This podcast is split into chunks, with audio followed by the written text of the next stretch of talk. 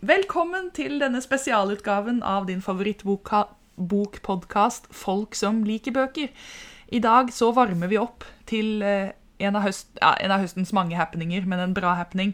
Brageprisen! Oi, oi, oi. Og i dine høreklokker i dag så har du Kristin, og du har Lena i Canada Ja. fortsatt siste gang inn fra Canada.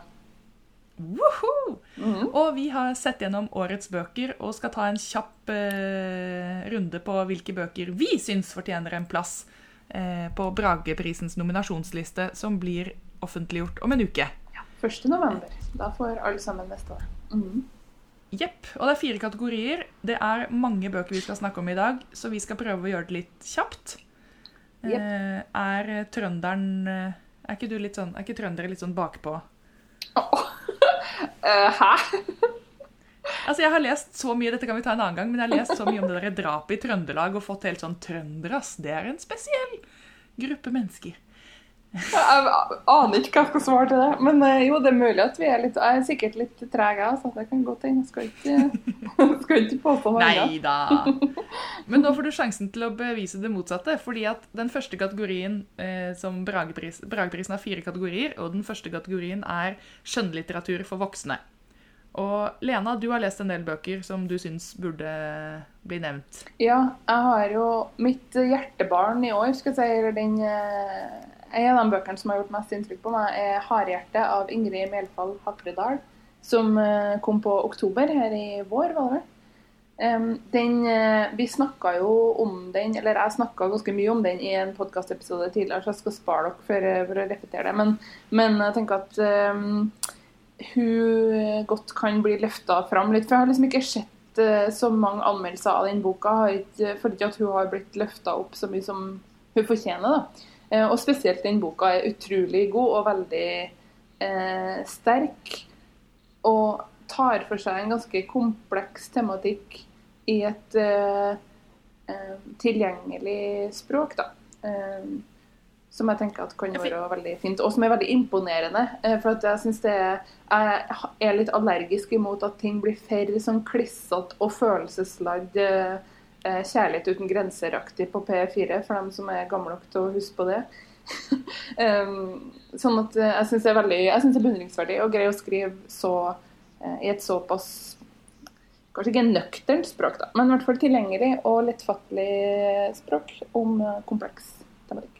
Ja, For det er spiseforstyrrelser? er det Ja, det, det er et innblikk på, eh, på livet eh, på en institusjon der de bl.a. behandler eller det er vel hovedsakelig ungdommer som har spiseforstyrrelser av forskjellig sort. Da. Så da følger man eh, både noen av de eh, pasientene som bor der, og, og en del av dem som jobber der.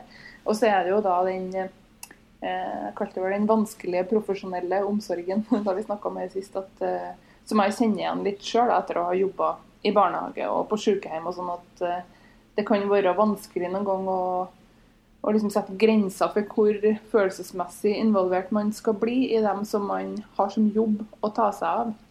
Um, da, Dette kan vi jo ja, bare beklager. Akkurat dette temaet var jo jeg i Bergen og diskuterte med Kristin Buvik Sivertsen, som har skrevet boken 'Omsorg', og Rita Paramalingam, som har skrevet eh, en bok om omsorgssvikt. Mm. Men eh, ja, Ja. så dette er alt jeg snakker om om dagen. Ja, nei, da, sånn at um, det er og da, og da må jeg bare klargjøre litt fort at da, det handler det ikke om at man blir forelska i pasienter, altså, eller at man får Det er ikke nødvendigvis kjærlighetsfølelser, sånn romantiske kjærlighetsfølelser, men det, men det er rett og slett å finne den balansen mellom ja, hvor slutter den profesjonelle omsorgen, og hvor, eh, hvor starter den eh, private, da, eller hva man skal si. Ikke sant? Har du lest 'Omsorg' av Kristin Buvik Sivertsen? Nei. Nei, den burde du føre på listen i så fall. For den er, eh, det er jo en slags krimroman, eller roman, eller nesten et sakprosainnlegg om profesjonell omsorg. Ja. handler om et, uh, en som dør på en institusjon. Og så, dette er en debutant som kom i år. Mm. Uh, og som uh, blir et, eller Da kommer det en politietterforsker og intervjuer alle de som bor på denne, i denne omsorgsboligen. Så det er veldig sånn direkte tematisert. Notert. Notert. Men du har en lengre liste, du. Ja da, jeg har, jeg har det. den neste boka som jeg syns fortjener Brage-nominasjon, er en bok som heter 'Av jord', som er skrevet av Kirsti Blom. Den kom også på oktober omtrent omtrentlig samtidig, tror jeg, som har hjertet. og det er da en gammel eh, mann som er på slutten av livet, som forteller om, om livet sitt, rett og slett. Altså ser tilbake på sitt eget liv. Og um, ja, i kombinasjon med at vi får, får vite hvor vanskelig det kanskje kan være da, å være helt alene på slutten av, av livet. Mm. Så jeg vet ikke om jeg skal si så mye mer om den, men den er veldig, den er også veldig god. Og så er det et litt uh, annerledes og litt sånn artig perspektiv. da. Å få, få, en gammel mann som forteller på den Og han er en spesiell fyr, altså. Han er en spesiell type. så han er fascinerende. En veldig kul karakter å ha laga der. Det var uh, Jo, her var det. Nei, det var faktisk ikke den boken. Men uh, Tøyen bibliotek tar av og til bilder av, av hvilke bøker som er, står på innlevert-hyllen akkurat nå. Og mm. i forrige måned så var, hadde de lagt ut bøkene Nå trodde jeg at Av jord var en av de, men det var det ikke. Men de bøkene som sto på innlevert-hyllen, var Gi oss i dag, en bok om kaker, og en annen bok, Vårt daglige brød, som handler om brød. Oi. Og Birger Emanuelsen, For riket er ditt. Yes. Og Kjetil Try sin krim 'Frels oss fra det onde'. Det var solid. ja, og der kunne jo fort Av jord også mm. stått, da. Helt klart. Men det gjorde den ikke. Nei.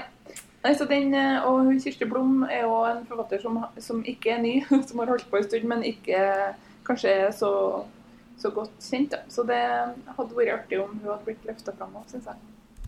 Mm. Også den tredje som jeg har nevnt, er Demian Vitanza sin bok som heter 'Dette livet eller det neste'. Eh, som jeg har lest nå, helt nylig. Som eh, eh, Ja, jeg regner med kanskje at folk har fått med seg den, men hvis ikke så er det da basert på at forfatteren holdt skrivekurs i fengselet i Halden. Og der ble han kjent med en del av de innsatte. Og en av de innsatte eh, ba han Demian Vitanza om å skrive sin historie, eller fortelle historien hans. da. Det er sånn jeg har oppfatta at eh, bakgrunn, bakteppet er, i hvert fall. Hm. Eh, og da tilbrakte de vel rundt 100 timer i lag, de toene da, i fengselet. Altså Vitanza gikk på besøk til han Sadik, er det de kaller han, tror jeg, eh, i boka, som er et fiktivt eh, navn. da. Og så forteller han da en, den norske eh, innsatte da, forteller om, eh, om, hvordan han eh, havna i Syria og ville, ville kjempe imot Assad-regimet. Mm. Så det er veldig spennende. Veldig, og så er det utrolig kult gjort, altså sånn rent skriveteknisk. Eh, fordi at eh, han, han Demian Vitanza sin stemme er ikke skrevet ned, men du skjønner underveis at Eh, at han stiller oppfølgingsspørsmål underveis. da.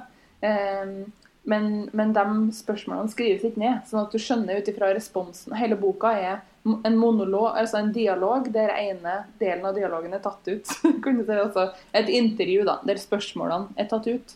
Så det du hører, er, er han fengsels, eh, altså han innsattes historie.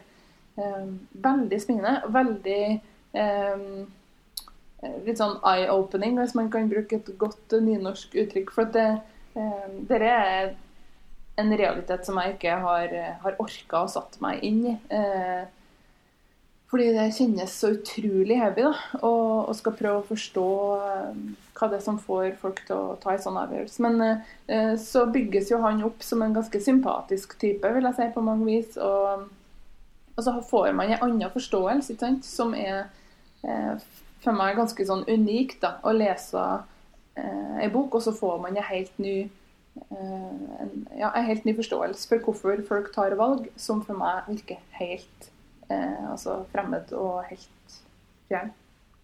Denne må jo kunne leses i lys av to søstre. Ja, de, han og Åsne Seierstad har vel vært i en del eh, sånne samtaler i lag, tror jeg, og rundt det. Lurer på om Var det på Lillehammer i år, kanskje. Eller i hvert fall så har jeg sett at de har, har blitt kobla i hop, ja, fordi de jo skriver om den samme tematikken. Så, eh, og 'To søstre' er jo òg eh, absolutt verdt å lese, selvfølgelig. Den fikk jo Brageprisen for sakprosa i fjor. Så ja. Ja. eh, den, eh, og denne boken her er jo nesten sånn som om det skulle vært skjønnlitteratur eller sakprosa, og det gjelder egentlig den boken som jeg vil føre til listen, nemlig 'Tung tids tale' av Olaug Nilsen. Eh, Olaug Nilsen er jo kjent for de fleste da hun slo innom med 'Få meg på for faen' for eh, mange år siden. Mhm. Og siden det så har hun fått en, ba en sønn med regressiv autisme. Og denne boken er et dypdykk i alle de følelsene eller episodene rundt det å ha en sønn som er ni år, og som begynner å bli mer og mer voldelig og miste kontrollen, og det å forholde seg til forvaltningen, eller altså Nav, eh, og andre institusjoner, og skolen. Og hun skriver så innmari godt.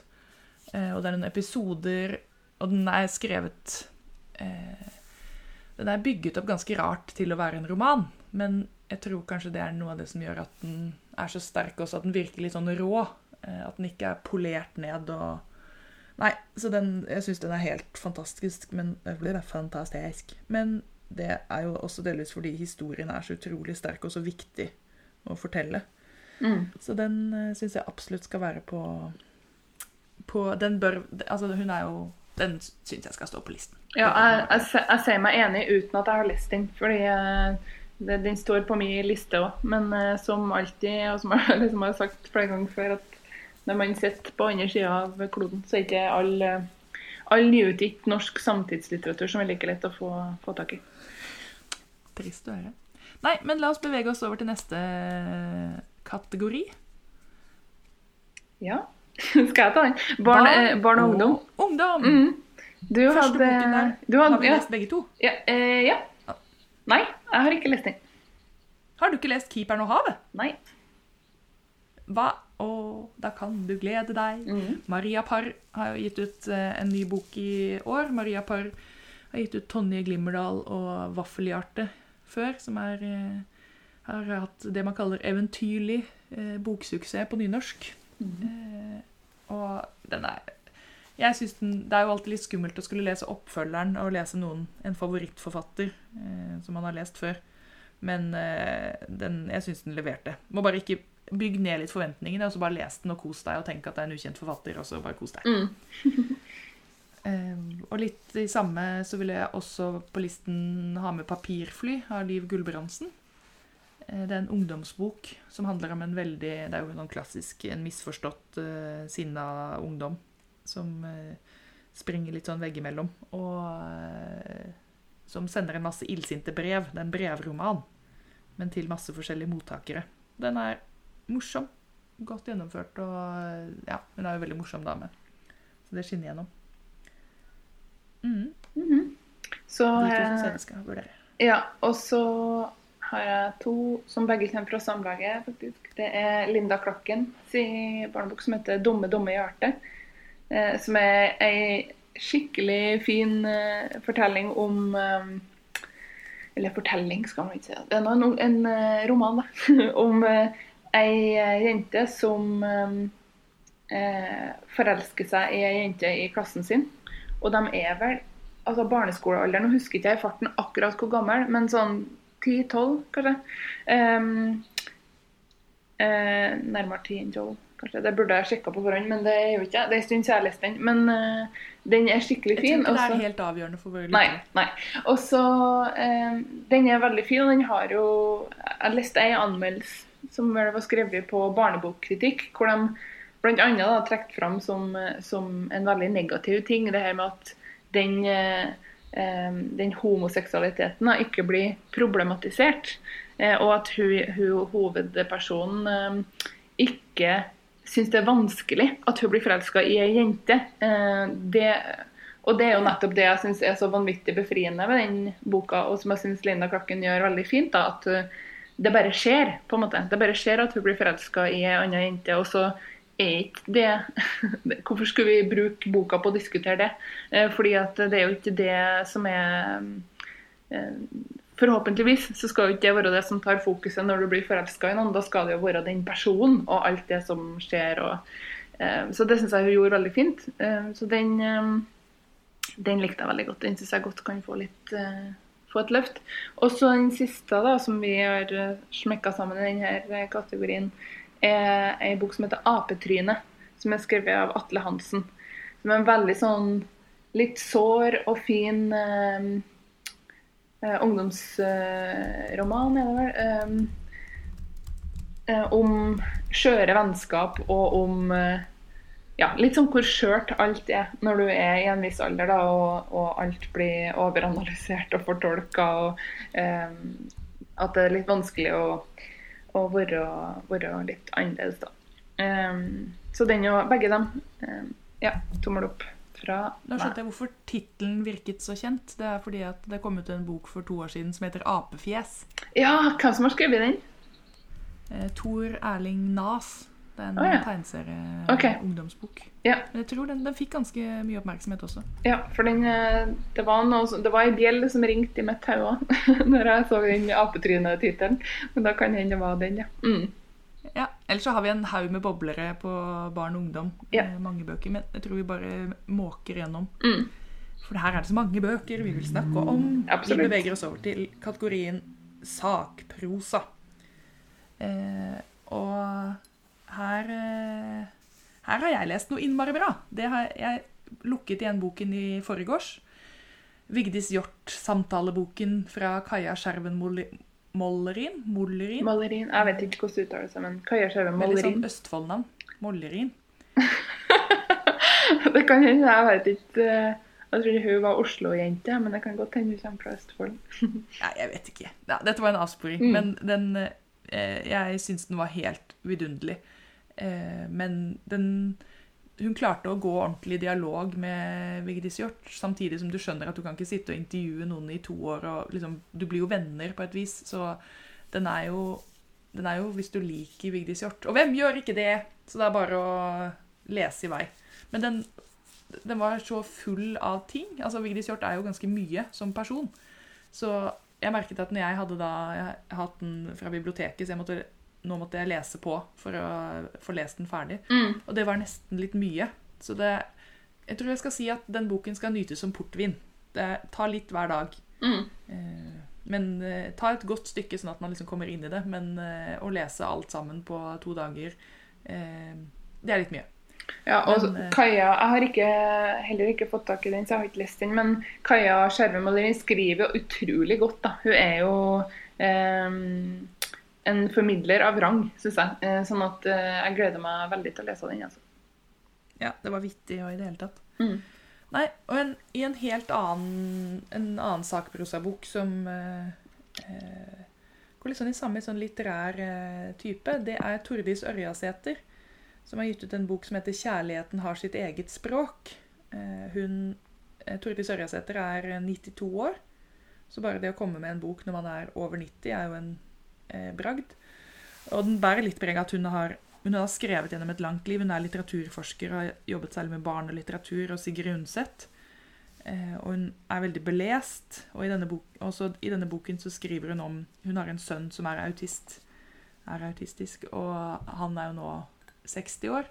Og skriver om hvordan det har vært å være moren, og hvordan det er å fortsatt være moren hans. Så den eh, skinner jo veldig godt sammen med eh, Olaug Nilsen sin 'Tungtids tale' fra et helt annet perspektiv, eller fra samme perspektiv for så vidt, men et helt annet tidspunkt.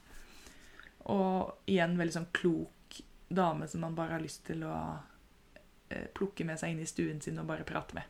Ja, jeg sa det jo til deg før vi begynte opptaket, sånn at eh, jeg har ikke lest den boka, men jeg hørte eh, Salongen i P2, som jo er et av mine absolutte favorittprogram, så var hun Tordis Øy, Øyesæter? Øy. Ørjasæter. Ørjasæter, Beklager. Skal vi Eh, snakke om Øyehaug etterpå? Ja.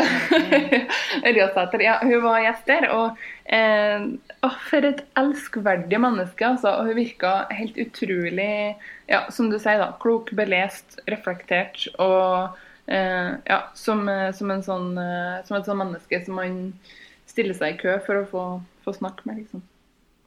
Ja, og den, den boken er lettlest. Det er korte kapitler, og det er mye sånn tanker. og Så den eh, er litt sånn motsatte, nesten. Eller den, altså, de er bra begge to, bare på veldig forskjellige måter. Eh, og så den siste som jeg eh, har fått veldig mye av, ut av, den har jo på en måte definert livet mitt. Eh, den og podkasten til Harald Eia har liksom eh, definert veldig mye av hva jeg har snakket om i år. Det er 'Liv og korleis leve det' av Anne Gunn Halvorsen.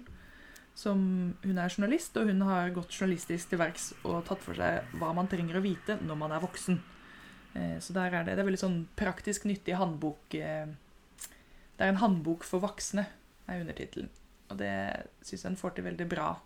Og bra å ta utgangspunkt i sin egen historie og så snakke med eh, Og bruke det til å snakke med folk som er eksperter på ting. Så jeg syns den var både lesverdig og med veldig morsomme, gode råd til slutt. Råd til slutt. Så jeg har tre ganske forskjellige, men kule damer på listen min. Og du har en, til slutt en variert, men kul dame som du vil Mhm. ha med. Mhm. Eh, Det er jo eh, Gunhild Eihaug si, si bok som kom ut i år, som er en oppsamling av tekster hun har skrevet. Eh, altså essay, som er på en måte Den heter 'Miniatyrlesinger', og det er jo det de er, da, de eh, enkelte tekstene. Tar for seg ulike verk eller forfattere, eller å sette det i sammenheng med, med resten av livet, eller en, en konkret episode, eller eh, Og det er så utrolig bra gjort, og det er så smart. Um, når du snakker om klok og belest, så tror jeg du har en kandidat der også, i hun. Sånn at um, den er veldig kul, og så er den òg altså, Den essayformen er jo fin, sånn at man kan hoppe litt uh, inn og ut når det passer seg å lese. For de er ikke så fryktelig lange, de tekstene. Uh, så hvis man eh, bare har tida til til én eller to, så, så går det an, liksom. Uh, og så får man en slags sånn avsluttende Eller en A-til-Å-opplevelse av det likevel. Så det er jo litt sånn som med noveller. Altså et mye brukte argument for å lese noveller. Og det samme gjelder her. Så den Jeg var litt sånn usikker på om den kan nomineres, i og med at det har vært publisert før, det som det mesteparten av innholdet. Men eh, vi satser på at det går an. Så da håper jeg veldig at hun blir nominert til sakprosa Brage. Ja. eh, jeg prøvde å lese den, men jeg tror kanskje jeg bare den traff meg Jeg klarte ikke å liksom henge med i tankerekkene. Men eh, det kan også være noe med tids hvor jeg var akkurat da. Ja, det tror jeg, fordi jeg opplever den ikke som spesielt krevende, i hvert fall. Jeg tenker at eh, det er en av de eh, bra tingene med den samlinga, at de er, ja, oppleves som tilgjengelige. Men det er klart at Gunnhild eh, hun har jo sin egen stil. Så det er jo eh, noe med å Hvis man aldri har lest henne før, så kanskje at det virker litt nytt, men du har vel lest henne før? Jeg har lest henne, men jeg må innrømme at hun er ikke min eh, min goal. Men det er kanskje ja, bare litt sånn at jeg ikke helt klarer å catche tonen, eller et eller annet sånt. Men jeg har ikke, jeg har ikke gitt henne opp. Nei, det må ikke gjøre. det, Det må ikke gjøre. bare så det er understreket. Sant. Eh, Den eh, siste klassen, eh, så Brageprisen den har alltid fire kategorier, men den siste klassen varierer fra år til år. I fjor var det sakprosa for barn og unge. Mm. Jeg, jeg ljuger ikke nå. Nei, riktig. Eh, og i år så er åpen klasse lyrikk. Mm. Eh, så da kan vi jo ta det pinligste først. Vi foreslår at jeg burde nomineres. Det Rett skal være rett.